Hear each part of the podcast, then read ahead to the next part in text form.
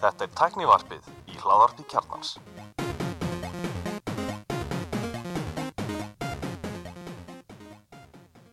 Komið sæl blessuð og velkomin í tæknivarpið. Ég heiti Gunnar Reynir Og ég er allir Stefan og við hefum ekki til eitthvað góðan gest, Kristján Ingi Mikaelsson, framgóttustur í Ráðmyndar á Íslands. Velkomin þáttinn. Takk fyrir að fá mig. Og hlaðvarpar líka það ekki. Jú, jú, stór hlaðarpari. En þetta er allir íslendingar í dag orðin hlaðvarpar, það er einhvern veginn bara, það er allir og ömur það komin með hlaðvarp. Já Er maður ekki hlaðarpari eða áhrifavaldur? Er það ekki svona? Ég við erum klálega áhrifavaldar, sko, en við höfum ekki mikil áhrif samt, en einhvað. Hérna, okkur langaði að fá, fá því í þáttinn til að tala þessu um, um rafmyndaráðið og bálkakeður og sluðis og kannski bara byrjum við, hvað, hvað gerir rafmyndaráð Íslands? Einmitt. Við erum samtök sem voru stopnuð 2015, félagsamtök, af hópi Íslendinga sem að er unni trúið því og sá hvert þessi heimur og tækni var að stefna. Þannig að þetta var sett saman og á þeim tíma er í rauninni svo stefna sett að reyna að halda opna viðburi fyrir einstaklinga sem við höldum núna tvo í mánuði. Við erum að vinna með háskólanum, við erum að opna fyrirlestra línu þar í Háskóla Íslands, koma fjártæknisetrinu í hérna, Háskólanum í Reykjavík. Við erum að reyna sína ríkinu aðhald og koma með vinkla sem að er ekki verið að tala mikið um í, í hérna, tengt tækninni, í lagarammanum og annað. Reyna að sína fram á tækifærin sem, að, sem að við getum nýtt okkur þar og sækja löggjafning erlendis og, og eitthvað fleira. Og sen erum við að hjálpa fyrirtækjunum sem eru hérna nokkur sem eru í rauninni bara í heimsklassa. Það er ekkert hægt að skafa neitt af því í þessum heimi þó að þau séu fá. Þannig að þetta eru svona fjórar megin stóðir sem við erum að íta á eftir og við erum í rauninni bara að reyna að gera sem besta leik fyrir Íslandika Our mission is to make Iceland the leader in blockchain and cryptocurrency innovation and adaptation. Það ágættis að markmið. Já, á síðan ykkar. há- háleit markmið, það dýr ekkert minna The Icelandic Blockchain Foundation. Hérna, en kannski fyrir þá sem eru að hlusta, hvað er blockchain, hvað er rafmynd í rauninni? Einmitt. Þetta er yfirleitt mjög skemmtilegt debatt og, og svona umræða að tala um að því að fólk er yfirleitt mjög hrætt við tölfur eða svona það var tendansin hérna áður og núna erum við að tala um eitthvað sem er ekki bara tölfur og internetið heldur eru að tala um eitthvað sem er tölfur, internetið og peningar allt í einu og sama forminu. Og þetta er eitthvað sem að vest fyrir mjög mörgum en í rauninni er, eru rafmyndir bara verðmæti sem lifa á internetinu en ekki í þessum kjötheimi eða raunheimi sem við, við lifum í. Og allt fjármálakerfið eins og leggur sér í dag er í meira þessum raunheimi eða kjötheimi sem við lifum í í dag. En það er sett út á interneti með hjálp milliðala og þessi milliðalar, Paypal, Valitor bankarnir, allir þessi greiðsluðalar þeir einhvern veginn búa til peningakerfi sem við einstaklingarnir getum notað. En það er bara virkilega þúnt, virkilega hægt. Það tekur oft marga vikur að klára greiðslur og allt það. Og þetta er í rauninni þessar rafmyndir sem að, sem að fólk er að tala um að það er eitthvað sem lifir á internetinu. Síðan eru við með þessa bálkakjör sem kallast á ennsku blockchain technology. Og það er svona grunntæknin sem að rafmyndirna keira ofan á og er í rauninni fyrsta applikasjónin sem að keira ofan á bálkakjöðum það er að leysa fullt öðrum vandamálum með bálkakjöðum sem við getum farið í kannski nánar á eftir en það er í rauninni bara nýtækni sem að gerir mörgum aðalum kleift að treysta hvort öðrum án millilega. Það þarf ekki að treysta öllum í keðjunni, það heldur getur hver sínt fram á sín skilriki og þá er þetta að búa til tröstkeðju án þess að nota til dæmis eins og banka á milli til að vera með eitthvað eskró eða eitthvað slíkt. Bitcoin er svona kannski vinsalega þekktasta og, og já, útbreytasta balka keðju rafmyndin. Já, í rauninni að Bitcoin er hinn fyrsta bálkakæða og það í rauninni byð, byrjar þessa bylgju og fyrsta applikasjónin hjá Bitcoin var í rauninni bara Digital Payment System, það var hugmyndin í dag er, eru 11 ár síðan að Bitcoin kom fram það kom fram hérna 2008 í svona hvítbók eða white paper og fyrsta fæsla var síðan gerð 3. janúar 2009 þannig að neti búið að keira núna yfir 10 ár og það er mikið að þróast í áttin að vera kannski meira geimsluvermæti heldur en einhvers konar greiðslumiðlunakerfi. Þetta er örugasta rafmyndin út af því að tölvunar á bakvið eru, eru flestar í, í Bitcoin og það eru flestir sem að þekkja það af þessum rafmyndum. Þannig að í raunin er Bitcoin ekki að keppa á þessum eiginleikum sem að núverandi tækni eða þessar nýju bálkakjör að koma með eins og í Ethereum og fleiri sem er að koma þá með nýja tæknilega eiginleika á borðinu, meiri hraða koma með þessar snjálsamninga koma með meiri skilvirkni uh, og, og minni gjöld og allt þetta og meðan Bitcoin er kannski svolítið þung og hérna, dýrt að senda með aðra keðjur en þú ert með absolutt öryggi í öllum þeim fæslum En meni, er rétt að tala, þú veist að tala, rafbyndur en, en Bitcoin er hann að hegða sig kannski meira bara svo gull eða þú veist, einhver svona takmörkuð öðlinn sem menn er að grafa eftir, menn mæna eftir Bitcoin sem er þá menn leysa einhverjar flóknar starffræðaformúlur sem að er sífilt erfiðar og erfiðar, ég meina á fyrstu árum Bitcoin það að maður geta búið til störlu verðmæti með vinnulapparnir sínum en núna þurfum menn sko heilu gagna verinn til þess að, að já, mæna hvað grafa eftir og þá er bara þú ert alltaf að reikna flóknar og flóknari þangulega runni hvernig er það með, veist, er, er einhver endir eða er þetta bara, þú veist, er, er botn í námunni? Þannig er þetta að vitna í hagfræði svona sem keirir Bitcoin hagkerfið. Og þetta er mjög áhugert og þetta vakti svona mikla í rauninni ég var mjög spenntur að sjá og læra meir um hagfræði þegar ég fór að lesa meir um þetta af því að í rauninni er í byrjun eins og segir að þá voru 50 bitcoin gefin á tíminn fresti. Og þau voru gefin á tíminn fresti fyrir það, þá tölvu sem leisti ákveð vandamál sem að neti bjóð til. Og 50 bitcoinir það eru eitthvað fleiri miljónir Já, já, það er alveg, það er 50 miljónur, 60 miljónur í dag. Og hérna, svo tölva sem leisti það vandamál, hún fekk að samþykja allar fæslur sem lágu útistandandi. Þannig að þetta er í rauninni þessi námu vinsla, en það sem neti gerir hins vegar er að á fjögur ára fresti þá helmingast útgáfan af bitcoinum. Þannig að þá fer þetta úr 50 bitcoinum, uh, þarna í byrjun 2009, niður í uh, 25 bitcoin hérna 2013 og síðan reynda 2016 af því að reikningetan jókst svo mikið að þá erum við núna í 12,5 bitcoin og síðan á næsta ári þá verður bara 6,25 bitcoin gefin út á tíminna fresti. Þetta hættir hún aldrei. Það mun hætta á endanum. Það talað um að síðasta bitcoini verði e, námu unnið 2140 og hagfræðmódil er þannig að, ve að verðbólgan í kerfinu er að fara lækandi verðbólgan í bitcoin er núna 3,8% að þess að ný bitcoin búin til upp á 3,8% ári. Til samanburðar er 1,6% af gulli fundið hver einasta ári en e, það sem er sérstaklega gull til dæmis er að þegar verð á gulli ríkur upp eins og er búið að gera núna í, í allt ári í ár að þá verður hagstar að fara dýbrún í jörðina og beita floknari úrlausnum til, a, til að finna þetta gull. Er líklega það sem er mengandi. Já, og, og mengandi líka, en það er náttúrulega bara hluti af þessu, ef að fólk vil gull, þá er eitthvað sem er tilbúin að ná í það. og ástæður verður að gerast núna að við erum alltaf leiðin í kreppu og þá vilja menn setja peningarna sín í eitthvað sem er solid. Solid. Þess vegna er sagt solid. Einmitt, og, þá, akkurat, og þá, þá, þá, þá ekst eftirbyndir akkurat, og þá eikst líka verðbólgan í gulli. Það búið til meira gull sem þinnir út alla sem eiga gull. En með bitcoin, þá er bara 21 miljón bitcoin til. Og það er yfirleitt tala um sko að, að munurinn á rafmyndum og sem er búið að gefa út eða bara í það sem, heila. sem mun koma í, í, hérna, í heildina. Og það eru 18 miljón bitcoin sem eru til núna í dag sem er búið að námuðina og það verða bara þrjú, þrjár miljónir í viðbútt fundnar á næstu, hvað sagður, 100 árinu, hvað sagður já, 120 árum. 120 aftur að ná sér þrjár miljonir já, en, en 90% af þessu mun vera fundið á næstu 10 árum út af því að þetta er bara helmingur áhrif þannig að það deilist alltaf með tveimur ú- útgáfan.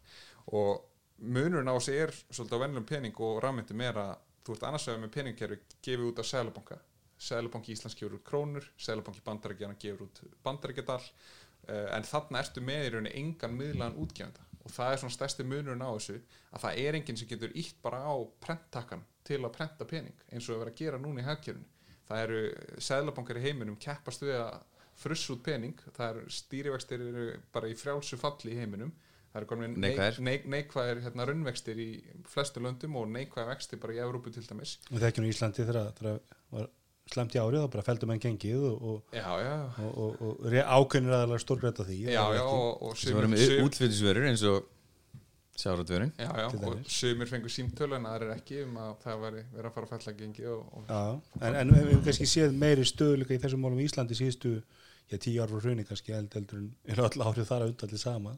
einmitt og það er einmitt svolítið áhvert af því að við erum núna í lengsta hávaksta skeiði e, í mannkynsögunni síðustu í rauninu 200-300 ár. Menn mun ekki eftir jafn löngu skeiði. Þetta eru heldur 11 að vera 12 ár núna hávaksta skeiði Tjúvill verður höggið hart maður. Já, fólk er nefnilega að segja, já, núna verður þetta ekkert hérna, verra og eitthvað slíkt en þegar maður fer að skoða tölurnar að þá er hérna, sexföld eh, landsframleysla hérna, falin í alls konar sjóðum og eitthvað sem er bara búið að setja eitthvað starf annar staðar inn í bankakerfinu núna þannig að ég svona er mjög spenntur að sjá hvað gerist með Bitcoin í, í þessum dala þegar mér finnst í rauninni ótrúlegt að Bitcoin sé ennþá til í gegnum stærsta hávakstaskeið mannkynsunni ég meina fólk er ekkert mikið að reyna að breyta til þegar bara allt gengur vel og það græðir bara sjúkla mikið og vinnar gengur vel og fer til útlanda og allt þetta. Þá er fólk ekkert mikið að spá í og reyna að hugsa hvernig er umhverfum mitt kallað. Þú fer ekki að spá í því fyrir en að í rauninni hlutinni fara að vera verri og það er ástæðan fyrir að þessi vandamál kom oft upp í samfélaginu á toppnum að því að bara fólk verður bara öðruvísi í hausnum. En fyrir enn meðal Íslanding sem bara fer til TNA einu svona ári og, og gemur peningur í banka hvernig breytir Bitcoin eða önnur rafmynd því? Hvernig hjálpar það honum að vera að lifa betur og Já, já, þetta er alltaf spurningin líka í hagfræðin, ég er ekki mentar hagfræðingur en, en ég meina, þetta er allt bara tölur og, og umræða og eitthvað og ég meina, fólk lifir ennþá góðu lífi, það búið að neikvæðir vextir í Japan núna í 10 ára eða 20 ára eða eitthvað, fólk mm. lifir góðu lífi, Japan er gott land og allt mm. það. En, en, en einmitt með þessi mála að sko munurinn er að það er ekkert að taka þessi verðmætt af þér í fyrsta lagi.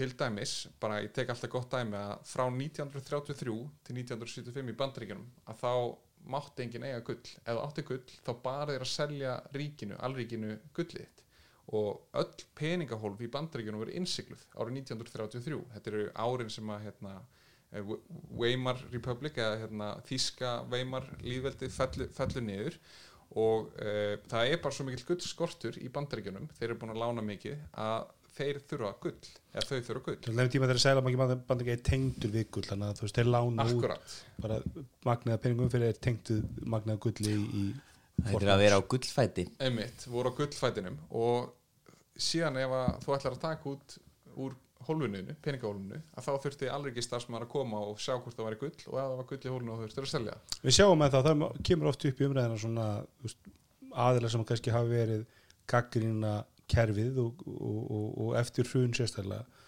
sem að benda þetta sem svona þetta hefur verið byrjun að endinum þegar að selum ekki bandarækjana afnám þetta mm -hmm. sem er 70 eitthvað eða ekki Einmitt. Var það ekki? 71 71, já.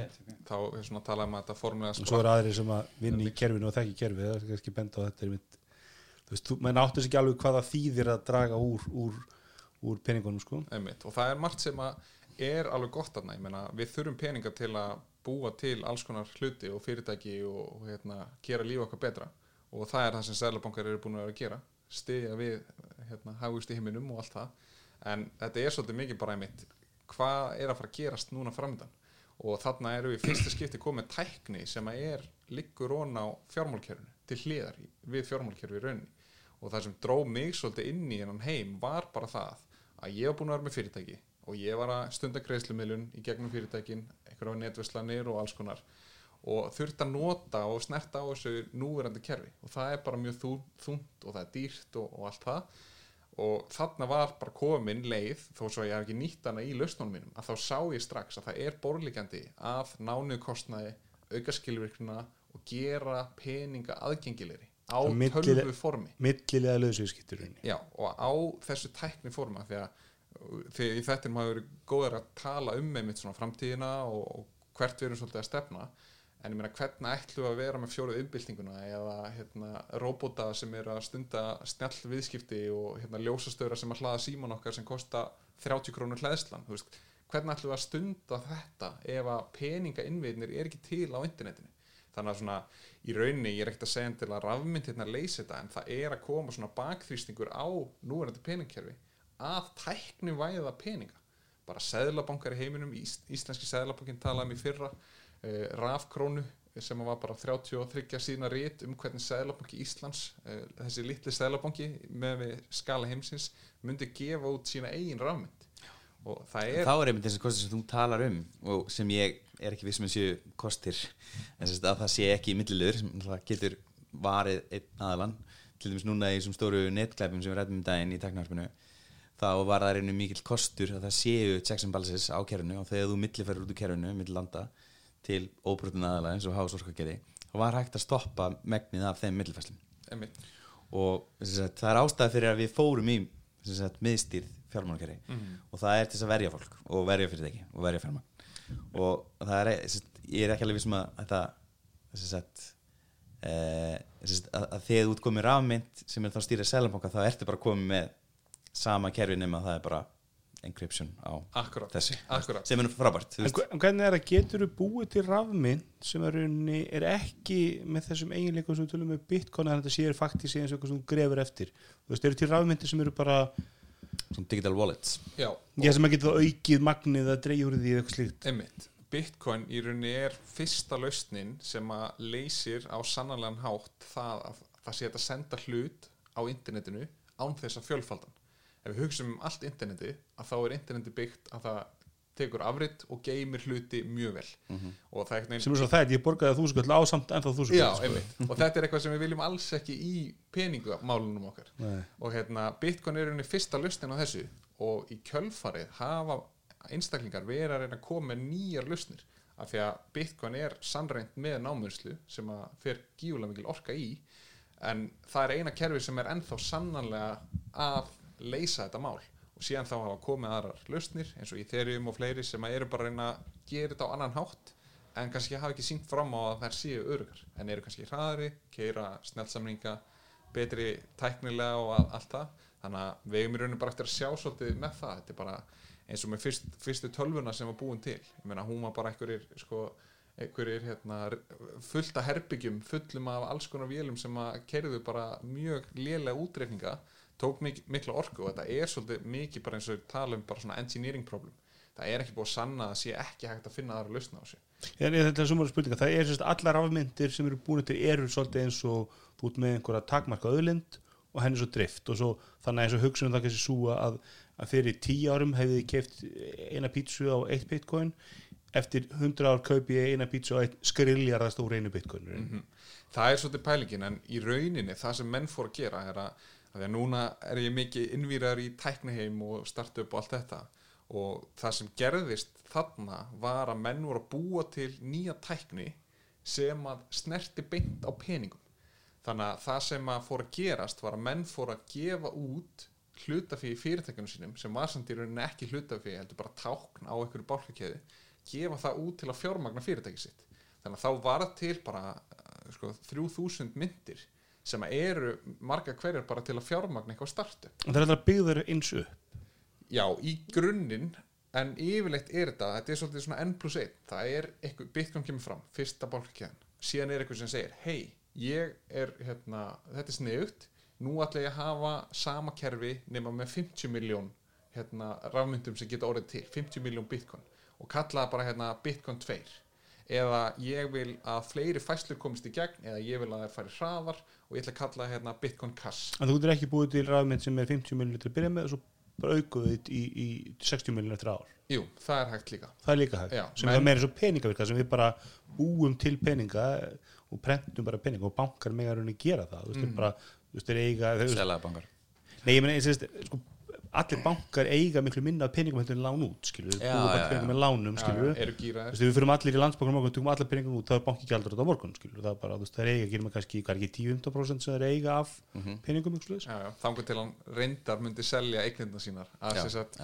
Hann getur alltaf losað yfir tíma en hann getur tekið eins og í hrunu. Núna í kjölfarið, tekið kannski tíu ára að losa allar eignirnar. Já, en ég meina, skilur, þegar, þegar ég fer í bankun, ég lána bankanu tíðu skall, hann lánar ykkur sikkur tíðu skallin, Já, skilur, já, eins og hann sýnist í rauninu, getur lánað þess mörgum að vill.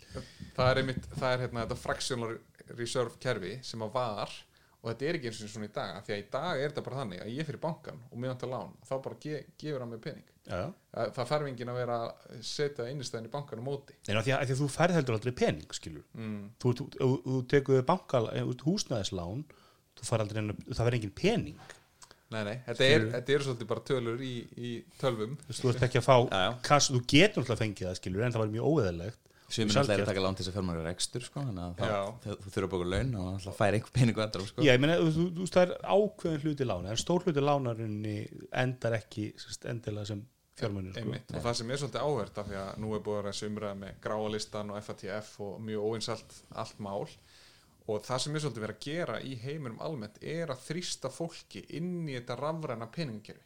Það er ólulegt meir og minna að færa til stórar upphæðir af peningum í seðlaformi í dag. Bara ef þú ert með yfir, ég man ekki hálfa miljón eitthvað, þá er það bara flaggað. Við erum með máli kveiki í síðustu viku sem er ástæðu fyrir þeim reglum ég er, sko, ég, er að segja það, það að að við viljum geta rekið hvaðan koma peningandi það er verið að rekja ótrúlega mikið en á sama hátt er bara, það er allt til í þessum tölvum. Og ég meina núna eru bara koma alls konar spurningar. Fyrir hrun voru Íslendingar fremsta þjóð í heiminum varðandi það að vera með mi- mikið magn af rafrænum greiðslum það voru 99% af öllu peningaflæði í landinu var rafrænt. Síðan eftir hrun fór það upp í 7-8-9% út af því að menn voru bara herðu, hérna, ég ætla bara að treysta sjálfum mér burt með þessa banka og ég vil ekkert að sé vera að rekja og eitthvað, eitthvað þannig mál, ég vil bara hafa mína fjármunni en það sem er í gangi í dag er að við erum öll að fara þá leið að þrýsta pening inn í bankakerfið og binda það svolítið það með lögum ég ætla ekki að kast, hérna, dæma hvort það sé gott eða slæmt en við erum að binda fjármunni í þessu rafrænum peningkerfi á sama tíma og vextir í heiminum eru bara að fara undir nullið þannig að hverju munu bera kostnaðin það eru þeir sem neyðast til að hafa peningin inn í bankanum af því að vextir í bank, bankum í Európa eru að byrja að vera neikvæðir. Ég meina svo hefum við ekki umræða bara þess að Íslandi að mörginu banna reyðu því bara, að draga algjör úr, úr skattsökum að, að það verði allir penningar að vera Einmitt. Og það eru afskapalega lítil rök fyrir öðru á Íslandi þú veist, það er, það, það, það er, þú veist, það er, það er orðin heimspökileg spurning að gera það ekki vegna þess að tæknilega sér getum við gert það á morgun sko. Mhm. það er, minna, og maður sér það bara í Íslandi maður sér það að þú fyrir erlend og svo fyrir eitthvað jólamarka eitthvað í London allir með kass þú fyrir jólamarka í Íslandi það er allir með posa, það geta allir tekið kort út að kaupa skilur það liggur við að komi krakkar að selja klóspapir fyrir fókbaldurinn, þeir mæta bara með posan Mhm. þú veist, við erum í þannig samfélag þannig að það er afskaplega lítið stökk fyrir okkur að fara en það er kannski svona veist, ef, men- ef menn setja þessu álhættinu og segja sko, ég vil geta tekið peningar minn út að, að, en, en eru þá til rafmyndir sem eru rekjanlega þú veist, ef við horfum þá bara upp á ef við myndum búið til bara í- íslensku krónu rafmyndina, að þá getur verið rekjanlega, þannig, að- þannig að það væri rekjanlega viðskipti. Já, 90 og eitthvað prósent allra rafmynda sem það er búna til eru 100% reikjanlegar að þess að í dag getur hver sem er skoða allar færslur frá upphæðu tíma á bitcoin-netinu.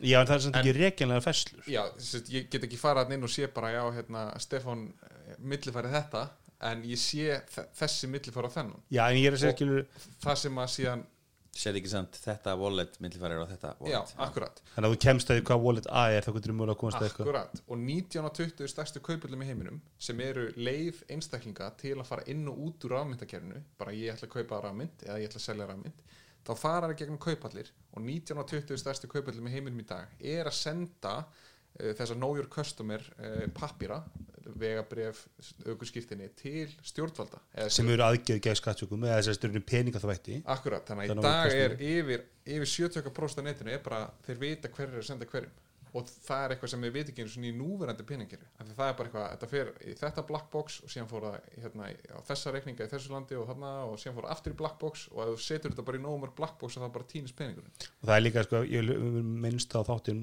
þannig að Dark, Darknet Diaries sem er mjög skemmtilegur og það er verið að fara við silkrótmálið. Og það er mikið af þessum málum það sem þeim tekst að rekja bitcoin fæslunar alveg, þú þú veist, þeir finna alla peningar einhvern veginn, sko, með, bara, með því að finna mitt eitt wallet og finna þar annað og Ekki Evolution walletin?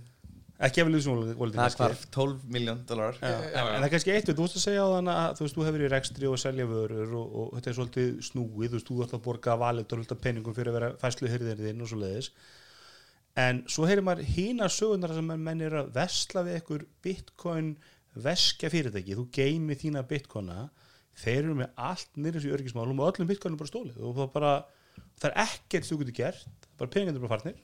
Það er búið milli farið á eitthvað annað veski skilur, það er líka mikið svona, þetta er svo mikið vilda vestur hérna í þessum bitcoin heimi. Eða þá eru kannski bara bitcoin skilur, það er svona Alveg klárt, við erum, við erum mjög snemma við erum að tala um að þetta búið að vera til í 11 ár svona ný tækni.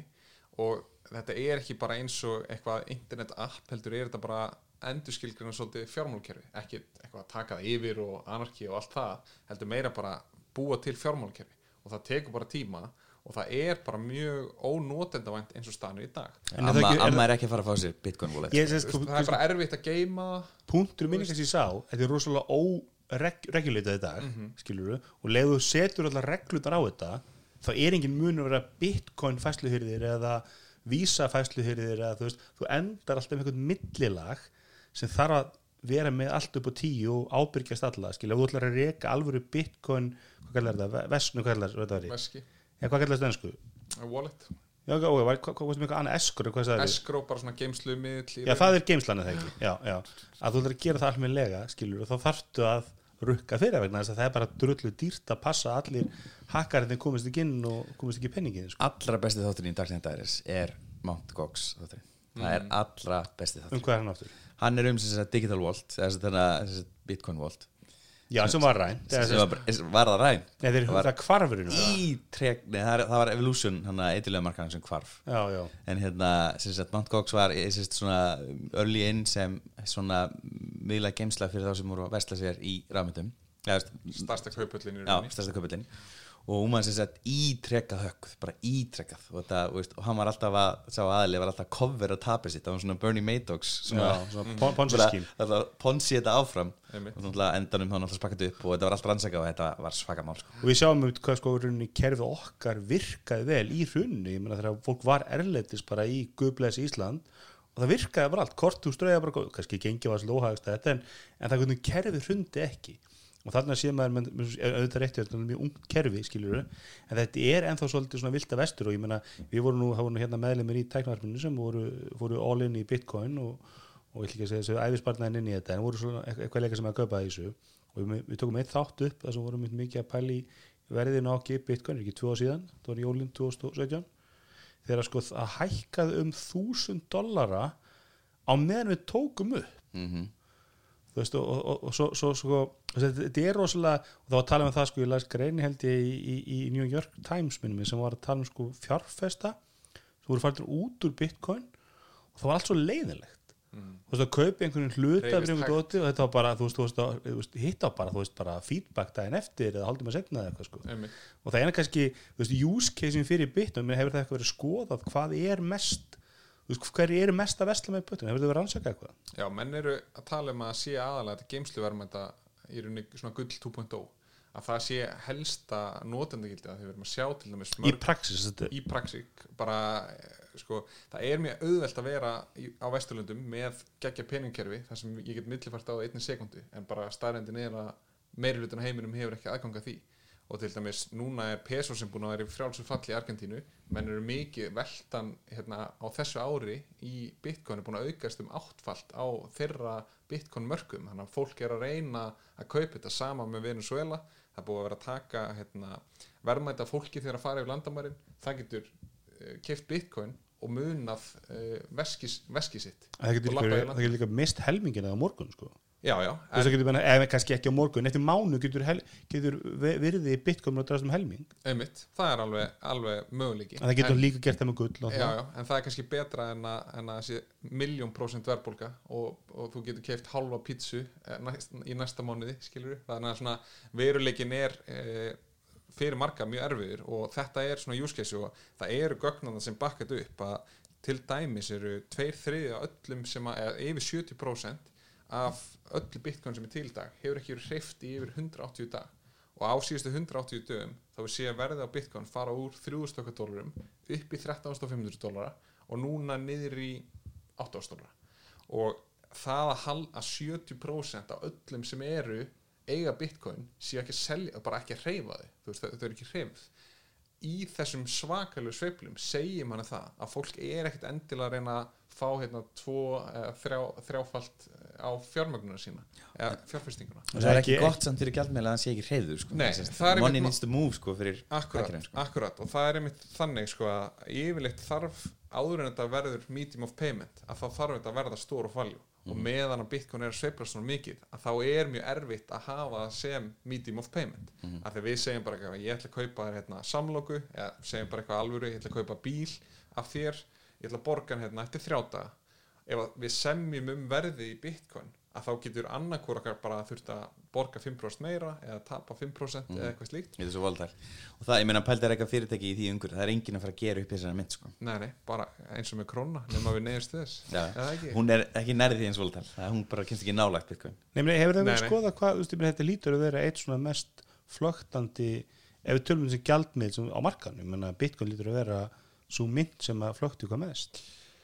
í raunin ekki. Eru er- kannski myndir á stríðsræðum svæðum eitthvað já, já, og eitthvað svona Zimbabwe dollara og, og eitthvað, eitthvað Venezuela gjaldmila og eitthvað, eitthvað svona. Þá, jú, jú, þetta er, þetta er að, að hérna, sveiflast mjög mikið. En ef þú horfir á hvað tveggja hálsás tímabil í Bitcoin að þá er, er hún að trenda upp. Þú getur ekki fundið neitt tíma þar sem þú tekur 2,5 ára milli. Og það eru núna 73 dagar sem að Bitcoin hefur verið herra en það hefur verið læra þannig að Bitcoin, jú, jú, ég, ég kaupið það alveg, það sveiflast mjög mikið og að nota það kannski í viðskiptum er ekki frábært en að kaupa það til að eiga það til lengri tíma er algjörlega það sem að uh, fólk er að gera út af því að sagan er bara að halda áfram að endurtaka sig En hvað þegar ég átt ást þá fór hvað hæst í kannski í dabi 20.000 ekki, það Já. er í tömur árum. 95 Já, þannig, þannig að það er ekki, það er ekki, ekki skopað tilbaka meir en það er runni. nei, nei, Það fór alltaf neðar en það voru ekki, voru ekki í fjúðust eða eitthvað, fimmúðust, þrjú og tvö var fjú og svona tvö á botninn. botnin. Já. En, en það má til gaman segja að ef að uh, Bitcoin er ennþá verðlagt í dollarum að þá hefði Bitcoin farið upp fyrir 20.000 þar sem verðbólgan í dollar er búin að vera já, já. svona er það er yfir 20.000 í dag á, á núvirði þannig að maður hefði selt í, já, þá var það, svo, sko, svo, svo, svo, svo með alla fjárfestingar að þú veist, áttu að vera að hoppa í nótu eða eins og sér, áttu að geima þetta bara. En það, það, það var samt kannski, er þetta ekki endilega gjaldmið. Þetta er miklu meira heldur einhvers, sé, einhvers konar verðmæti sem geymir peningar þenni í og, og jó, þú settir 100 miljónir í, í þetta fyrir tveimur árum og þá ertu að þá býða að ná þessu tilbaka og það spurning hvort þú býða lengi. mm og ég, einmitt sko ég er svolítið komin onni í Bitcoin hóluna það verður alveg að segjast ég er búin að fara alla leið á þessum nokkrum árum sem að ég, ég hef þekkt þetta fyrirbæri og eins og þegar ég horfi bara á heiminn í dag horfi á Sæðlabanka, horfi á íslenska hagkerfið að til dæmis flestir í kringum mig e, og sérstaklega að fólk er að orða aðeins eldra kannski koma öllu lífis aldurinn að þá horfi ég á fólk sem að á bíl á Íslandi í íslensku krónum það á hús á Íslandi í íslensku krónum það á hérna, lífyrirsjóðin sinn á Íslandi í íslensku krónum. Og við erum að tala um að við búum í minnsta hagkerfi heiminum og það er ekki einu svona hugsa um að hafa neina fjármun annars þar og það er ekkert að tala um eitthvað hei þú ert að eiga 3% í bitcoin en bara halló, þú veist íslenska krónan er minnsta mynthagkerfi í heiminum. En þetta bara svona fer alveg eftir ég mitt hvað fólk er að horfa til og eins og bara ég held að sé heilbritt fyrir fólk að eiga eitthvað í höndunum. Bara, nú er ekki að tala um eh, endilega bitcoin eða eitthvað, bara eiga eitthvað, ég meina hvað gerist bara ef að uh, það er klift á internetið til Íslands? Er það að tala um kaupaði gull eða platinum Er að tala um bara- bissu þegar allt fyrir skandans og þú getur varðið og, og dósamat. Já, og dósamat. Zombie Apocalypse. Einmitt, Það er einmitt. bæði betra. Bitcoin er ekki frá að bjargaði mér í Zombie Apocalypse Það er því miður. Hittumst öll hérna í geimslunum upp í veðurstofu sem eru ekki.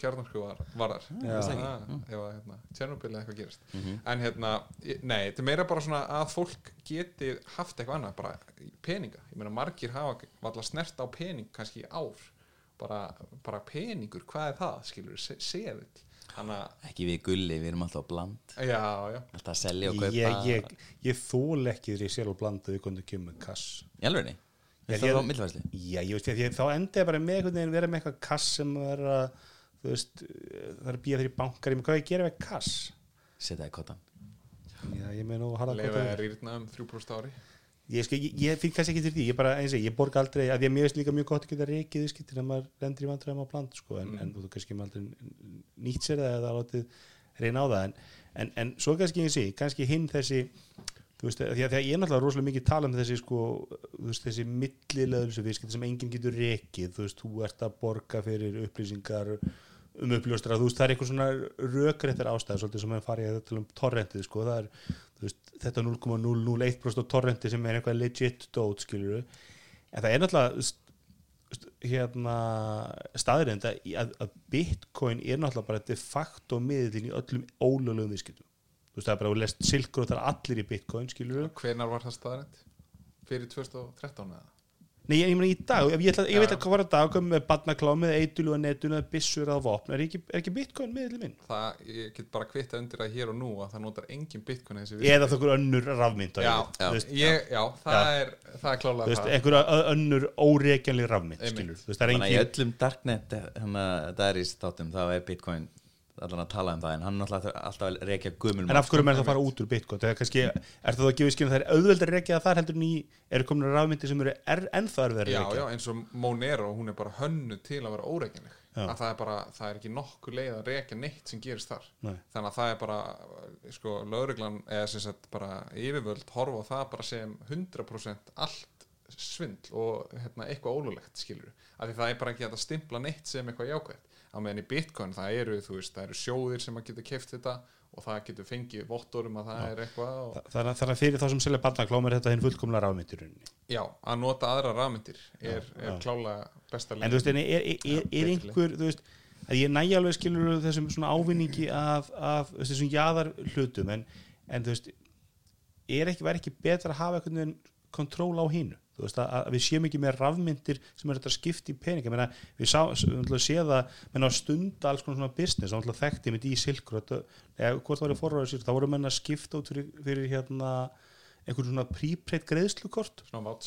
Já, þá kefti ég eitthvað príbreytt greiðslukort og, svo, og það, það fyrir ekki var kert í þróta því að basically allir business þeirra var ólöglegur er eðlilegt að það sé til rafmynd sem ég get skipt sett penningin inn sem er de facto rafmyndin í ólöglegum viðskiptum Þú veist, er eðlilegt að bara sam, bara við, við sem samfélag bara á jörðinni séum að leifa það skilur það er náttúrulega bara stór heimsviki og ekkert endilega mitt að svara Jó, náttúrulega við veit fá svar Já, verða að fá svar. Þetta er náttúrulega bara tilraun. Ég meina að þú getur nota dólar á sama hátt.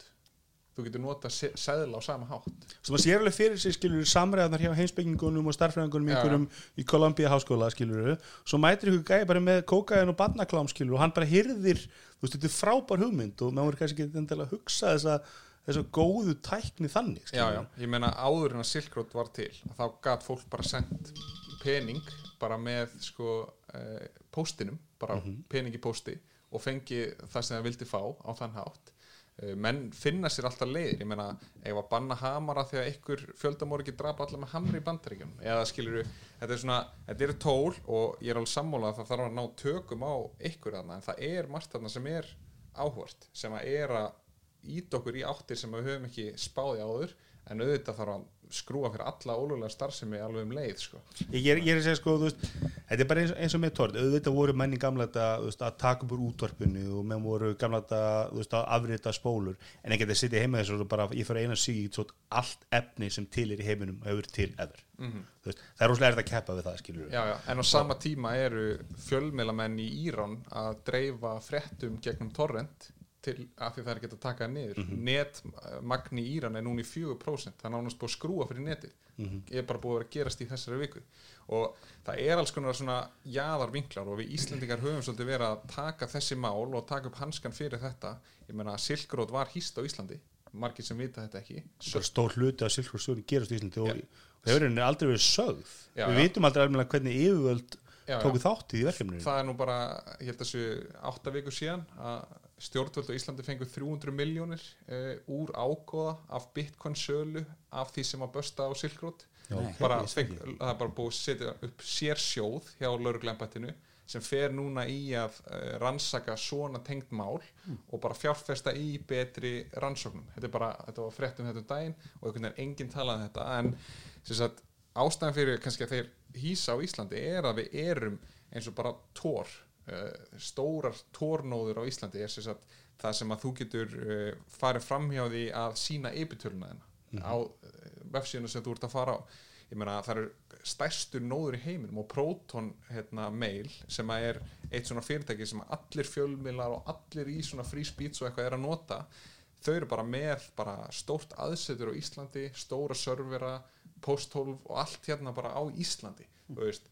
Þannig að það kom alltaf einhver use case auðvitað, þú veist, af því að það er einhver tórn á Íslandi að þá er náttúrulega alltaf einhver sem geta farið og gert eitthvað ólegt í kringu það. En mér finnst það einhvern veginn að vera svona meira samfélagstækt hvernig við tökum á því heldur en að við erum með bóð og bönn á tólið. Bara já, við ætlum að banna hérna hamar, við ætlum að banna internetið, við ætlum að banna þú veist, mismöndi leiðir til að gera hlutin Ja, við, sjáum þetta svolítið hinum megin frá eins og bara með viku, þar sem að sko búin mikil umræðum um um, hvað ég verið að gera til þess að hindra rauninni sem sagt, skattsvík og, og peningaþvætti. Og, og þetta er alltaf hinn fullkomin tól fyrir það. Þannig að það er kannski hinn Þau, peningum þau eru samt ekki fullkonar en það að menn bara nota núrandi kerfi af því það er miklu öðvöldur að færa stórar upphæðir. Ég menna að þú myndir færa, reyna að færa 1,3 miljardar íslenska króna með bitcoin að það er fundið um leið. Þú veist, það, það er bara, það er of há upphæð til að reyna að gera eitthvað með í gegnum bitcoin. Það hinn er 1,5 miljónar af íslensku krónum sést mjög öðulega ég er kannski 100 en af hverju sést það svona vel í bitcoin? Af því að bara fæslunar eru þannig að það er þetta að beita netafræði til að reykita á meðan að til dæmis núverandi kerfi þeir fara bara gegnum nokkur blackbox bara Mauritius, uh, Kýpur síðan þó er þetta gegnum norskan banka getur farið í hvernig er mögulega að gera þetta uh, en það er bara að nota það kerfi af því að það er enginn sem getur rakið þetta. Það þarf einhvern uppljóstrara til að bara lauruglembættu í Íslandi fara að rannsaka Og þetta nú var allir bara, vá, það þarf að rannsaka þetta og núna er að fara að setja peningi í þetta af því að bara, það vissi enginn af þessu, það var enginn yfirvöld neinstæðar, það var enginn bankar neinstæðar það var ekkert sem að benti til þess að þetta væri að gerast. Getur ekki gert það sama með bitcoin? Þú getur ekki bara millifært bara einhvern veginn getur ekki rekja, er alltaf að rekja þú veist, er ekkert mál að rekja ekkert mál að reykja Já, og það tal- fer alltaf gegn kaupöll á endanum. Það þarf ykkur að ekki taka við þessu til að fá pening. Og þá ertu komið með exit punkt sem að er grand skoðar og þú komið 2 miljard eitthvað þú getur ekki útskipt hvað hann fjækst peningin. Þá er það erfitt að raukst í að það. Já, já, ég en, en hvað sagði Tekur þessi hérna, mynd hétti sem væri órygg Monero Mónir, hún er hönnu fyrir það. En, en það var endilega miklu minna af það er miklu erfur fyrir með að fá miljard setja miljardin í það, endilega miklu færi kaupendur af hver er, hver er að kassa út Moneros skilju það er bara einhver sem að trúa kannski á meira privacy skilur en það er kannski bara mjög lítill hluti af menginu. Ég meina, ef þú þarf að fara í alveg banka til þess að fá Já, þú, eitthvað út. Það er þú einhver getur kannski farið og keift skilur einhverja mynd eða lagt inn á Paypal og með einhverjum leiðum keift fyrirframgreitt kort og fengið þessa mynd skilur Já, eða keift já. bitcoin og skipt bitcoin yfir í Monero skilur eitthvað þannig. En ég verði að sjá bara ranns og segja bara hvað er, veist, ég var í hlutullin, eru, eru þetta 70% mann sem eru með, með af heimsbyggilegum ástæðum vilja ekki peningur rekni, eða er þetta 99% barnanýðingar og eða fólk sem vil barnaklám og, og eitulif það var skýsla af þingnefnd í bandaríkjum sem kom fram á síðast ári sem horfið sérstaklega á peningaþvættis hérna, hlutan og það kom fram að 0,3% af allri veldu í bitcoin á þeim tíma og fyrir þann tíma að á tvö ár fram í náttúrulega fyrir það var það allt öðru sí 0,3% voru ólulegt aðtafi á meðan það var yfir 1% með dólar þannig að bara 0,3% Já. það er af því að þetta er orðið en það kan að bara að flýja í, í betri myndir væntanlega. Já og bara þetta er bara svolítið leist í þessum bitcoin heimi sko.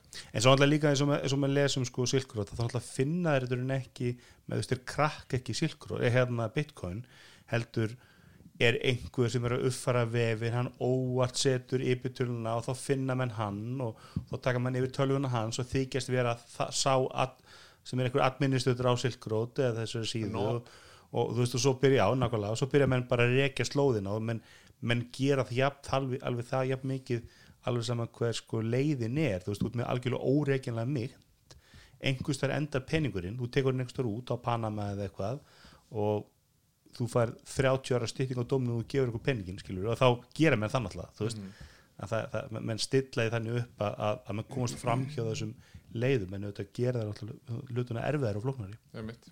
Og þetta er bara aftur, þetta er bara eitt tól þú veist, það eru fullt af frumlegum leiðum til að örgulega stunda mjög gott peninga bara peningaþvætti á marga mismundu vegu. Það er örgulega að bara stunda peningaþvætti með tómutum eða fisk skilji eins og kom fram í þessu samherjamáli mögulega skilji. Þannig að það er bara, þetta er vandamál og það er verið að þrengja þessu sem betur fyrir og og laustin er í rauninni það sem þú sagðir að vera kostir.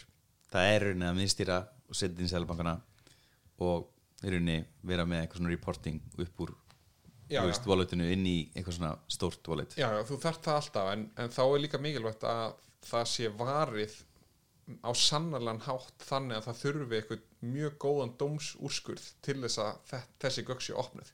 Að þegar við viljum allan vil ég alls ekki lifa í þeim heimi þar sem að bara þessar upplýsingar byrja bara að leka til Facebook og hérna þau, þau fara að nota þetta eða bara einhver, hérna, Siggi frendi getur bara skoða þetta eitthvað þannig og En það er þetta ekki þannig í dag, ef ég vesla á vísokostunum mínu, það er engin það lekur ekkit út úr valitóður ég ég held að menn taki þessi mál til dælu alvarlega sko. en sjáum að vera þessi millilur þess Já, en sjáum samt dæmi, bara gott dæmi á Íslandi að til að hlera símtölu á Íslandi að 99, ég man ekki 99,1% af öllum hlerunabeðnum fóru bara beint í gegn og lauruglumenn sem að fá að fara og með, það er einhver trúnamaður eitthvað sem er hjá þessum símfyrirtækjum sem er bara með klefa sem að þeir geta hlusta á þessi símtöl 99,6% eða 99,1% er það að því að, ok, það er fullt af glæpum sem að fara fram gegnum síma en vilji lífi samfélagi sem að bara einhver hjá lauruglunni getur sagt bara ei, að fara að hlera hann síma og þá bara er hann hleraðar eða hlusta á eitthvað símtal eða locationum mitt í síman og fundi þú veist, auðvitað á fólk að fá að njóta vafans. Það er bara þannig. Og ég, til dæmis, það er búið að vera að breyta þessu við viljum að það þurfi dómsúskurð bara, herru, hver eru rökin? Og bara dómar í dæminum þetta en ekki bara einhver réttur upp hönd og bara það gert. er þannig í dag það ekki? Það er búið að vera að breyta þessu, ég veit ekki nákvæmlega hvað Það staðan nú- ég man alltaf saman þannig ég var í Vótofon þá saman þannig sko, að Vótofon fór að gera þetta. Mhm. segði bara við, nei við leiðum ekki þá var ekki ekki hlerina, þá var meira bara upplýskar um bara símreining, bara að fá símtala yfirleitt. Og, og þá var það bara þannig símin aðfindi þetta bara alltaf, það Mhm. var bara tengilur símin sem bara aðfindi þetta bara þegar að beða um það. En svo voru Vótofon að beðja um dómsúskurð Einmitt. og og það þá, þá þróaðist kerfið þá einmitt, og þarna ertu með millilið sem að ég myndi segja að fólk treystir símfyrirtæki sitt, ég myndi segja að það sé gott tröst þarna á milli.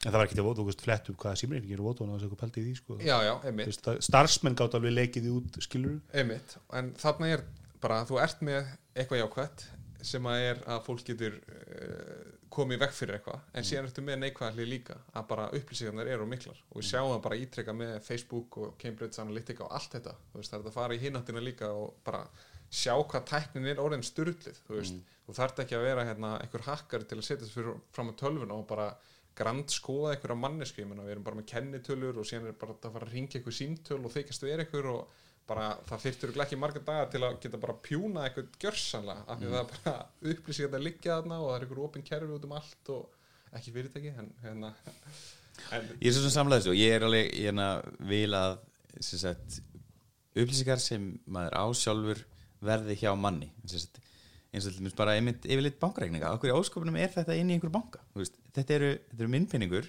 þetta eru mína fæslur ég vil eiga fæslunar veist, ef skattur þarf að veit eitthvað, þá getur hann fengið það hjá mér okkur þarf þetta að vera þarna veist, þannig ég er alveg saman, getur ég myndi frekar fengið- vilja fara í þess að sko. skattur getur ekki fengið að bankanum sko. Skattur er með allt sko. nei, skattur skattur er með allt nei, nei, skattur er með ef allt þeir höfðu ekki þá fá þeir allt eftir þetta skatturinn samruna. er með allt, sko. það er alveg staðfest sko. Akkur þarf ekki það að fylla þann anskotin út Geta ekki bara að fara inn það og kemur mest að inn kemur, bankaregnum kemur inn sko. þeir eru um allar Ekki millifæslur jú, þeim allt saman þeir eru eh, ég get- ég get alltaf nóðið því núna í þessu stóra hérna, Airbnb máli sem búin að gangi núna í nokkur ár þá hérna þessi, trakkar skatturinn allar millifæslur af Paypal inn á íslenska reikninga og, og fá að vita það hvað þurfa er. að dómsúskurð eða ekki. Þau eru eitthvað drögstan grunn Já, þeir bara fá með þeir hafa sem þetta Paypal og Paypal sendi þeim bara hér um milli og því- Það getur ekki þeir verið. sjá þessar fæslur, koma inn á bankareikningina ég held að það sé bara frá bankanum sko, Þeir hljóta þurfa einhvern drögstan grunn á dómsúskurð sko í lögum um uh, gjaldirisviðskipti er Sæðlabankin ennþá með heimil til að skoða allar erlenda millifænslur Já, kannski þetta Se- er erlenda hérna- að það var sem sagt ekki lögin voru ekki afnumin, gjaldirisvöktin eru ekki afnumin, þau eru bara lögðin niður. Það er ennþá ákveðið lögunum Mm. sem hefur þetta og þegar þú ert að senda millifæslu að þá er ennþá sama flokkurinn og allt sem við notum þegar við vorum í gjaldirisvöktin Bara saman mistærni sem Þannig fengu, fengu svo bara erlend greiðslukott Svo strauðið bara svo brjálengar hérna og, og, og liðu svo kongar og borguðu ekki krónu skatt eða neitt mm -hmm. Þetta var náð mér, mér finnst þessi vinkill áhugaður og ég myndi vilja e- ekkit endilega bara einskorast við hérna, fjármál mín einn fjármál, ég, ég myndi vilja útverða líka bara sjúkrasuna, ég vil eiga mínu sjúkrasuna ég vil hún komi í stöðlegu formi inn í einhvað wallet sem ég get þú veist, mér langar ekki að hérna, þetta liggi í einhverjum, einhverjum hérna, fimmismundi kerfum, ég held að þessi þrjú reyndar sem sem er, eru í Íslandi í dag sem, þar, sem eru ekki samræmt með ekki, ekki sem sagt, sama hérna, í rauninni sem sagt, kóðan á milli Nei, ég meina sjúkur að spítalinn veit ekkert í þín sjúkursögu Nei, einmitt. og fyrir heilsugjastluna, þú getur með sko áratuga sögu Mhm. fyrir að spítalinn þeir ekki hugmyndu neitt Nei. og getur reyndar núna í krafti upplýsingarlega fengið þær upplýsingar. Já, ég hef ekki gert það, sko, en, maður heyrir bara ekki um fólk sem er veikt og er með einhverjum sjúkdóma og slíkt að þetta er bara mikið bara baráttu mál skilur að láta þess aðeins að tala saman. Já, ég er einmitt búin að vera í sam samband við hérna heilsuveru sem er einmitt hérna, sem sagt, kerfi fyrir sjúkragögn. Og það er verið núna að fara að setja nýju gauðlótti hvað og hverju sem á að gera sem sagt, þér kleift að sjá miklu meira. Og þannig er rauninni þú fáur kerunum inn á þinn stað en það er, það er það sem ég er að segja. Ég væri frekar til í að það sé eitthvað sem ég á frekar heldur en að þetta sé heilsuvera.is sem er ekki að ríkinu sem ríki á. Þetta eru mín gögn, mér langar að eiga þig mér langar ekki að stopplun eiga þig eða tryggingafélag. Og þetta er líka Já, víst, ég vil alls ekki ég, sem sagt, hérna, að tryggja eitthvað fyrir að fæða ákveð þessu. Já, já, sá nú bara máli í vikunni með það, en hérna Hvað var það? Að, sem sagt, það var eitthvað sem ringdi inn og var að spurja bara, hei, hérna, barnið mitt steg í sjóandi vatn og hvað skerðast hérna, trygginga bætuna mínar, eða hvað þarf að borga meiri tryggingar á næsta ári ef að þetta er greitt út? Og hann tilkynnt þetta ekki. Og síðan var bara einhver starfsmæður sem að setja þetta inn í kerfið og síðan hérna, var hann að skipta um fé- félag og þá voru yðgjöld, yðgjöldin miklu herri út af því að það var bara herrið það, hérna, eh, það var skrifað hérna tjón hann var bara, ég, hvað meinar það var ekki skrifað neitt tjón og þetta fór fyrir dóm og, og einstaklingur vann þetta í krafti persónulögja var að það var ólulegt að skrifa þetta þetta var ekki formlega tilkynning. Þetta er, við erum komið þangað sko. þetta er, það er bara ég vinn að það komið það að tryggingafélag í bandaríkjanum er að láta fólk fá Apple úr og Fitbit og svoleiðis. Nei, Bretlandi. Já, breytildi, og líka bandaríkjanum að gegn lagri greiðslu þú veist, en, en svo lendur í því að já, hérna ég sé þú reyfir ekki neitt og, og þú veist Ég veit ekki hvernig þau fá þær upplýsingar frá Apple Watch, það er ekki hægt guli Þannig að þau hljóta en þið vilja fá yfirlega, fá lestur. Já, það, hvernig það gerst ég, ég veit ekki í praxis sko.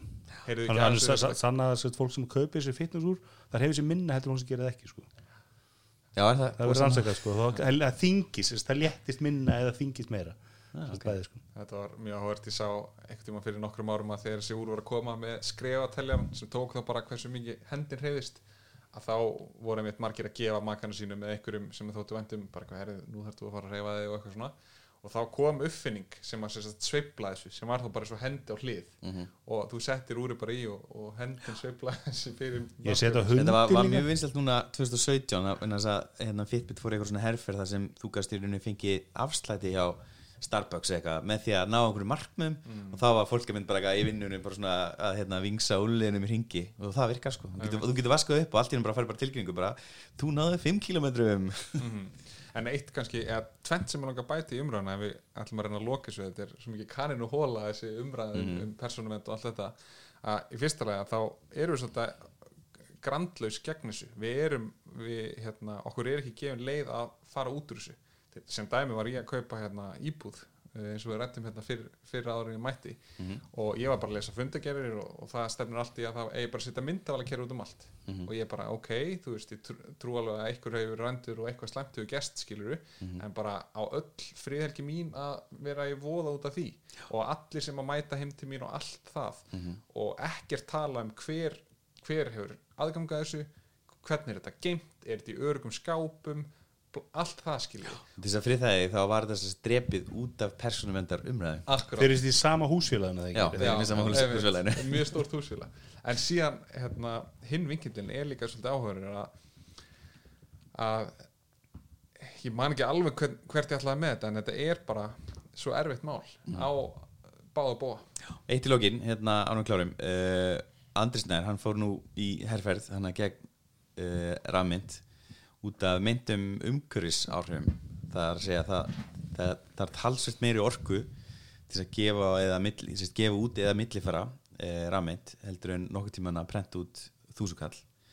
Uh, hvernig, já. Jó, kannski verða það summerða, sko, við erum talað um það eru gagnafar í Íslandi sem gera ekkert annað, við erum talað um sko, gagnafar sem velta ágæts uppaði, maður er að borga ágæts uppaði fyrir að láta tölfur í gagnafar í Íslandi gera ekkert annað heldur en að mæna til bitcoin. Já, uh, einhvern tímapunkti svona 90 og eitthvað, þá var hægt að segja með full vissu að svona yfir 90% af internetinu væri klám.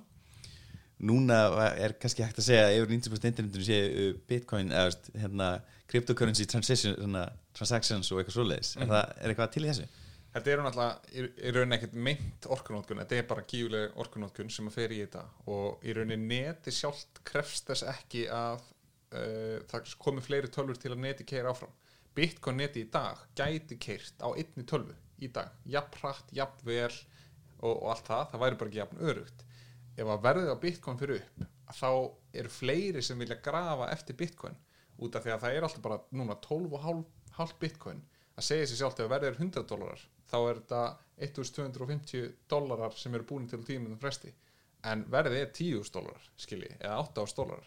Þannig að bara kakan er gífulega stór og í dag er þetta þetta eru sko hvað, þetta eru 15 miljónir dólar á dag sem eru búin til sem er gífulega stór kaka sem að bara allir er að reyna að koma með nýjan búnað til að halda þessu uppi og það sem gerist á sama tíma er að neti verður örugara að það þarf jafn mikla orku til að rauninni hakka bitcoin og er í kerfinu nú, nú þegar mm.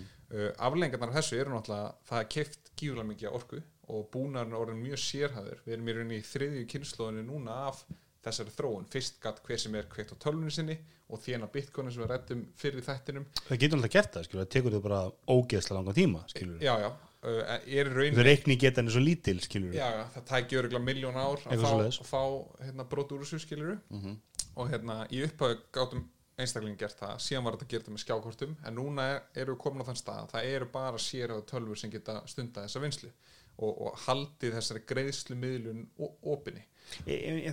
Sko, tölvutan er ekki að pæla í greiðslumil þeir eru bara að pæla í að mæna fyrir bitcoin skilur það er enginn að borga miljónur á mánuði fyrir reikning frá Advania í gagnakverinu þeirra til þess að halda greiðslumilin opinni. Þetta er rauninni, það sem tölvun að gera er að þær eru að leysa starffræðdæmi sem að neti býr til tímindafresti og uppfinningin í bitcoin er svo að það er bara ein tölva á sannarlega hátt sem finnur þessa laust út af því að þetta er svo flóki vandamál. Þannig að það eru kannski 10 miljón tölfur að reyna að finna þetta vandamál. Ein finnur þetta og þá fær hún leikilinn að því að taka allar fæsluna saman og íta þeim áfram. Ég er bara að meina, þeir, þeir sem eru að borga fyrir þetta þeim er skýt sem um greiðslumilina þeir, eru- þeir eru ekki að náðu einhverju milliliður í einhverju greiðslu því að þetta er allt tengt saman alltaf Já, í rauninni sko ef við horfum á hver er að borga þessum aðlum að þá er 96% bitcoin netið sjálft að borga með þessum 12,5 bitcoinum og um það byrj 4% eru neytendur eða notendur í kerfinu sem er að senda á milli. Fæslugjöldin eru orðin 4% það er bara komið það mikið að fæslum innan kerfisins. Þær voru upphæði bara 0% það bara voru, voru fáir að borga fyrir það. Og beauty í þessu er einmitt að pælingin í upphæðlega pappirnum sem að er talar um bitcoin er að neti hætti að gefa af sér og notendur fara að borga meira fyrir eða sem sagt í krafti fjöldans að þá verði bara netið styrt þannig. Uh, í dag er þetta náttúrulega eins og ég segi, þetta eru 5-6 miljardar dollara ári og það fer orka fyrir fjóra af þessum 6 miljardar dollara í netið. Svo getur verið kól, ólja rusl, þú veist að menn er að brenna allan anskotan til þess að fóta orku. Akkurat. Íslandi náttúrulega er að reyndar er mikið að kjarnorku í Íslandi og kólum en, en það er Það er losuna heimildum sem voru seldar. Já, Já, ég meina, ég er að það er faktis ég, þú veist, menn það er ekki hrein orka, þið erum búin að selja hitt í burtu, sko, en, en, en, en í praxis er þetta alltaf bara hrein orka. Þetta er hrein orka sem getur notað eitthvað annað, við getum gert eitthvað annað við þessu orku, skilur, það er svona Andri Snær hefur verið að gaggrina fleiri álver fleiri álverðlimis sem skapa störf, ég meina orku er skapa engi störf, skilur, það er bara gæðins labbar um að skipta um harðadiska, það er engin önnur störf í þessum- Gagnaver. þessum gagnaverum segja. Gagnaver, það eru fleiri enn í álverðum Nei, það er hannig í gagnaverum Íslandi? Jeps. Já, í nýjasta störf, störf og afleitt störf. Þau eru öll orðin sjálfvirk. Ég meina það strömsvík strömsvík er 60 ára gamalt. Og það er náttúrulega bara lítil sjálfvirknum en þar. Og þess vegna eru mörg störf. Mhm. þetta, er- þetta Ég, er það getur ekki verið að gagnaver skapi jafnmjög störf eins og, eins og hvernig finnum við það? ef þú þessu niður á megawatt að þá er, er þetta svona að eitt gagnaver er kannski með 500 megawatt og, og þú er kannski með eitthvað 100 störf eða eitthvað þar inni Ekki skilur með gagn, ég held að Advania Datacenter eru bara einhverju 20 starfsmenn held ég eitthvað. Já já en þar ertu líka með bara það. með 85 megawatt skilur Ok, það eru þurru fleiri Já. gagnaver Ok, ég skil. En, en, Já, en, en þetta er bara, einmitt, það er oft talað um svona störf per megawatt og allt það og það er bara umræða. En bóðin til Andrés að það, sko, það er, þetta er bara, við sáum þessu umræða líka bara með alvöru öðlindir, þú veist, það, mm. það voru hann lengi átt að bjarga okkur úr hruninu, einhverjum olju öðlindir hann á drekasvæðinu og, og þá voru bara með þess að við, við eigum ekki að sækja þessu olju, þótt hún sé þarna þótt að gæti mögulega verið fjárhæsluður áminningur að fara að grafa eftir henni að það er það bara ekki umhverfislega eða, eða síðferðislega rétt. Einmitt, og sama með þetta, þessi, hvað kallar frakting eða hvað sem þeir eru að Fracking. Fracking, að sprengja fjöllin eftir, eftir olíu og gasi í bandaríkjanum sem er virkilega óumhversan leið sko, og það kannski sama rökun hjá andra bara, þú veist að jú, við getum alveg gert þetta. Þetta býr ekki til einn verðmæti. Ég meina börnun að borða þetta getur bílega þetta að keri ekki á þessu skiluru þetta er ekki samfélagið er ekkert mikið verra þetta væri ekki. En þetta er notað rosalega orku sko. Sem við getum notað eitthvað annað sko. Akkurat. Staðrendin er samt svo að það er ekki búið að virka eina virkjun fyrir nám, uh, þessari starfsemi.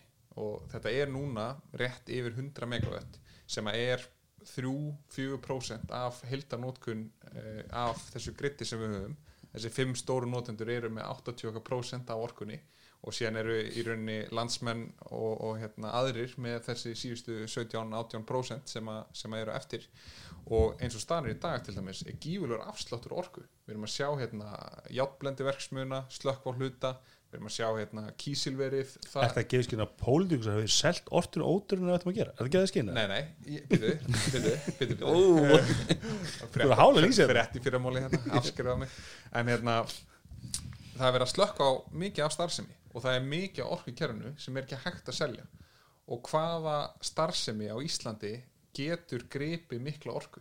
Staðnendin er svo að gagnavers yðnarinn er eini aðri stórkaupandinn an, að, annar stórkaupandi á þessari orku. Og eina er unni raunverulega samkjarnin við þessar stóriði í orku kaupum Sko stærsta fyrirhundi samkjörn náttúrulega rafbílarnir, skil, þeir munu nota mikið af þessar orku, það er alltaf, það stuttist í næstu virkjun, skilur, það þarf að tromma í virkjun og það er að gera eitthvað við penningin og ég menn það, Sant. Já, ég er sammála á því af hverju? Já, ég að, sérst, Það er orkuveitarinn hefur að segja Hvað eiga og- Framsóknarmenn hefur annars að gera, nýtt hefur og- ítrekka gefið út að það þur- þurfi ekki að virka meira til þess að anna því að skipta flót, 60% flótur núna yfir í rafbíla á morgun. Einmitt. að það bara sem sagt, tengist og hlæslega þetta er líka hluti finnst mér að starri umræða sem sagt, orkan okkar er búin að vera sérstaklega dýrmætt í algjörum sérflokki síðustu kannski 70 ár bara eftir stríð í rauninni út af því að hún er hrein og það er minna rask en með marga aðra orkugjafa. Mm. graft í kólum þá graf þau upp og skemmi land og allt það. Og ég menna auðvitað eru að fórna náttúru með, með vassafsvirkinum sá tími er búinn. Það eru komið verkefni, Bill Gates er með stórt verkefni þar sem er verið að leysa kjarnorkuna bara í rauninni á skadlausan hátt. Við erum að sjá kaldan samruna eða? Uh, ekki, ekki cold fusion en það er í rauninni bara kjarnorku leið til að gera þessa kjarnorku og það er bara tilbúin á eftir að byggja fyrstu verin til að sannreina á okkurum skala. Svo líka bara portable nuclear power byggingkostnaður á sólasælum og, og vindorku verum líka svo, hefur lækkað svo mikið í síðustu tíu árum að- Einmitt, þannig að við erum Þetta kom, er Terra TerraPower, við erum komið með það, við erum komið með sólorku, við erum komið með vindorku. Og sko samkeppnisforskot Íslands á orkusjónummiðum er bara að mínum að því og þetta er yfirleitt ekki talað um þetta, er bara að klárast. Af því að við, við búum í dýrlandi, það er dýrsta framlega, við erum komin á þann, stað það, það vill enginn virka hérna mikið meira í viðbútt þannig að bara við erum ekkert að fara að kreista mikið meira orku út úr landinu, það er bara Jú, sæstrengurinn, hann, hann kemur og já, já, ok. Vond Európusamönd allar að hýra allar penningunum En hérna, við erum komin þangað og við einhvern veginn að hlaða í 50 ára virkun eða virkun sem borgar sér á 50, 50 árum þegar kannski erum bara komin eftir 30 ár bara einhver blúsandi kjarnorka sem er bara miklu ódýra ég meina, hvað veit er í því? Og við þurfum bara að skoða þetta öðru sig og núna í dag eru gagnaverin að kaupa þessa orku sem að er hans bara bókstaflega að fara út í sjó. Svo alltaf kannski hinliðin á því að gagnaverun hefur aldrei tekist að selja neitt annað en einhver svona þess að, íslensk gagnaverun er það langt í burtu. Leitin sér það mikið að það, veist, það er engin, engin það er reynd mikið að fá Facebook og Google eitthvað hingað en, en það er bara ávinningurinn er engin skilja, ef það annars sæstringur er fyrir þá er, þá er Google eða Facebook miklu andar þannig að inni, þetta hefur verið í geimslu menn að geima gögn og einmitt, eitthvað eða svona hérna offline computing. Já, einmitt. Og það er einmitt áhverð af því að nú er það er búið að vera að íta gagnavers innan á stað bara sístu tíu ár. Veist, ég var að vinna hjá Greencloud 2012-2013 og það bara gekk ekki neitt að selja neitt. Út af því að menn voru bara, heyrðu, þetta latin sé bara rugl. Þá voru menn ekkert að vinna í gerfigrind, eitthvað machine learning allir eitthvað komnir í það að reikna út eitthvað og bankar og Pixar að rendera bíómyndir á okkur serverförm og eitthvað, eitthvað slíkt. Á sama tíma er það svolítið komið í dag að við erum að sjá auðvitað náttúrulega rafmyndirnar blúsandi en við erum líka að sjá tækifæri í því að nú erum við komið með stóra innviði í þessum gera og við erum að sjá Pixar, BMW uh, stóra evróska banka stunda þessa svona offline computing það sem eru bara að senda ykkur gögn og þau eru bara kramin eða krönsuf hérna á Íslandi og síðan er bara að senda eitthvað kreditskor hérna til Evrópu skilur og það er eitthvað sem við munum búa að ég meina, gögn eru ólía samtímans, það tala svolítið mikið um að gögn séu ólía dagsins í dag og þegar ég bjóða þetta út í kísildalum að þá var alltaf bara hvar eru gögnin, hvernig ætla að nota gögnin? Veist, það er kannski aðeins undanhaldi í dag út af Facebook og öllu þessu en það er eitthvað, það er hluta innviðum, þú veist, er að skilgrana interneti sem innviði á Íslandi. Þú veist, vass innviðir eru mikilvægir. Við erum með closet innviði og allt þetta. Ég meina, það kemur að því að það sé bara, herru, nú þurfum að vera bara með gagnavers innviði, þú veist, það er búið að taka ákvörðun um eins og gagnaveri á korputorki sem að RB fjárfesti að hluta sem var bara ákveðin starfsemi verður að vera hýst á Íslandi. Þegar hvað gerist bara ef að það borðar hákall eitthvað sæstreng eða veist, eitthvað gerist í endapunktinum sem að kemur upp í Evrópu?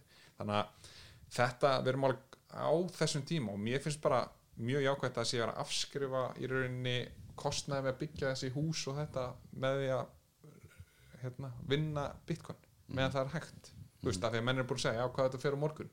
Þetta er búið að vera einnig síðan 2013 Hvað var það bara Emerald Express? Svona low latency sæstingin fóru hann aldrei niður eða? það er í vinslu eitt sæstrengur uh, gagna sæstrengur.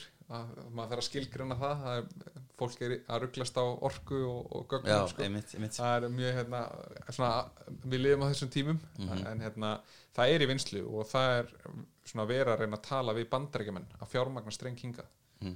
og síðan að við getum þá haft streng til Evrópu og verið eitthvað svona milli aðli með eitthvað svona ell streng sem að gæti verið svipar hraðar og strengið sem er í dag Þessi Emerald Express er, það búið að tala um hann síðan uh, í, í hrunnu sko og hérna hann átti sérst að vera frá Írlandi og til Bandarækina og við áttum að koma inn hann einhvers þar út á miðjum sjó mm Mhm. -hmm. miðjum Allandshafi en mér sýnist hann aldrei hafa farið í gagnið Nei, nei. er það rétt? það er rétt og það þarf bara að klála að vinna í þessum innviðum af því að það er bara allt í gegnum neti í dag. Klálega, samanlega því kannski ánum hættum hvað hérna rafmyndar á Íslands, þú hvað er það að gera? Hvað, er þetta einhverja fyrirlestra og kynningar og Já, við erum, fundi og við erum bara fé- félagsamtök þannig að hverju ári að þá koma meðlimir. Við getum hver sem er, sem er með íslenska kennitölu verið meðlimur. Uh, þeir kjósa sér stjórn. Eitthvað kostnaður, komum að borga árgjald já, 5.000 krónur ári. Og við heldum 26 viðbyrði fyrra. Uh, yfir, eh, allir viðbyrðinir í fyrra voru frýir þar sem að fólk hatt sótt við vorum yfirleitt með mat og einhverja umræður dróum til eitthvað sérfræðingar sem voru á landinu að tala bara um þessi mál og líka bara svona tengda hluti. Þetta fer snertir á mörgu eins og við höfum farið hérna víðan völl í þættinum og bara það í rauninni í grunninn er svolítið starfið. Já. þannig að það er bara fólk getur verið hlutið af því Mjög gaman hérna Ljómið spennandi, hérna já, virkið spennandi og, og, og hvað síðan er Það er bara abf.is og við erum með skrifstof og lögu í 77 þannig að fólk hefur áhuga á þessum málum að þá getur alltaf kíkt í kaffbólla í hérna, byggingu þar sem að stærsta bankakvöling Íslands var og er núna ekki lengur. Eða hún er þarna en bankin er farin sem er kannski svolítið tákrænt með tímanu sem við lifum í. Já, náttúrulega, náttúrulega drömprins hrun- eftir hruns, þannig að þeir voru samúsnaði ekki? Já, sem hæði þetta er, þetta er, þetta er mjög áhugavert áhugavert spjall og virkilega gaman að fá því heimsókn og við ætlum þetta að tala líka um, um þín ævindir í, í Silicon Valley en við kannski gera það þáttur. Það er annar þáttur, Þáttur 330 í staðan fyrir 220 eða eitthvað. Síðan 210 Já. 210, 210 það er ekki bara eitthvað meira allir Nei. Það er að tala um fyrir komuna. Air- Airpod Pro í næsta eði Já, já. Lýst vel að það. Herru, takk fyrir okkur. Takk fyrir að fá mig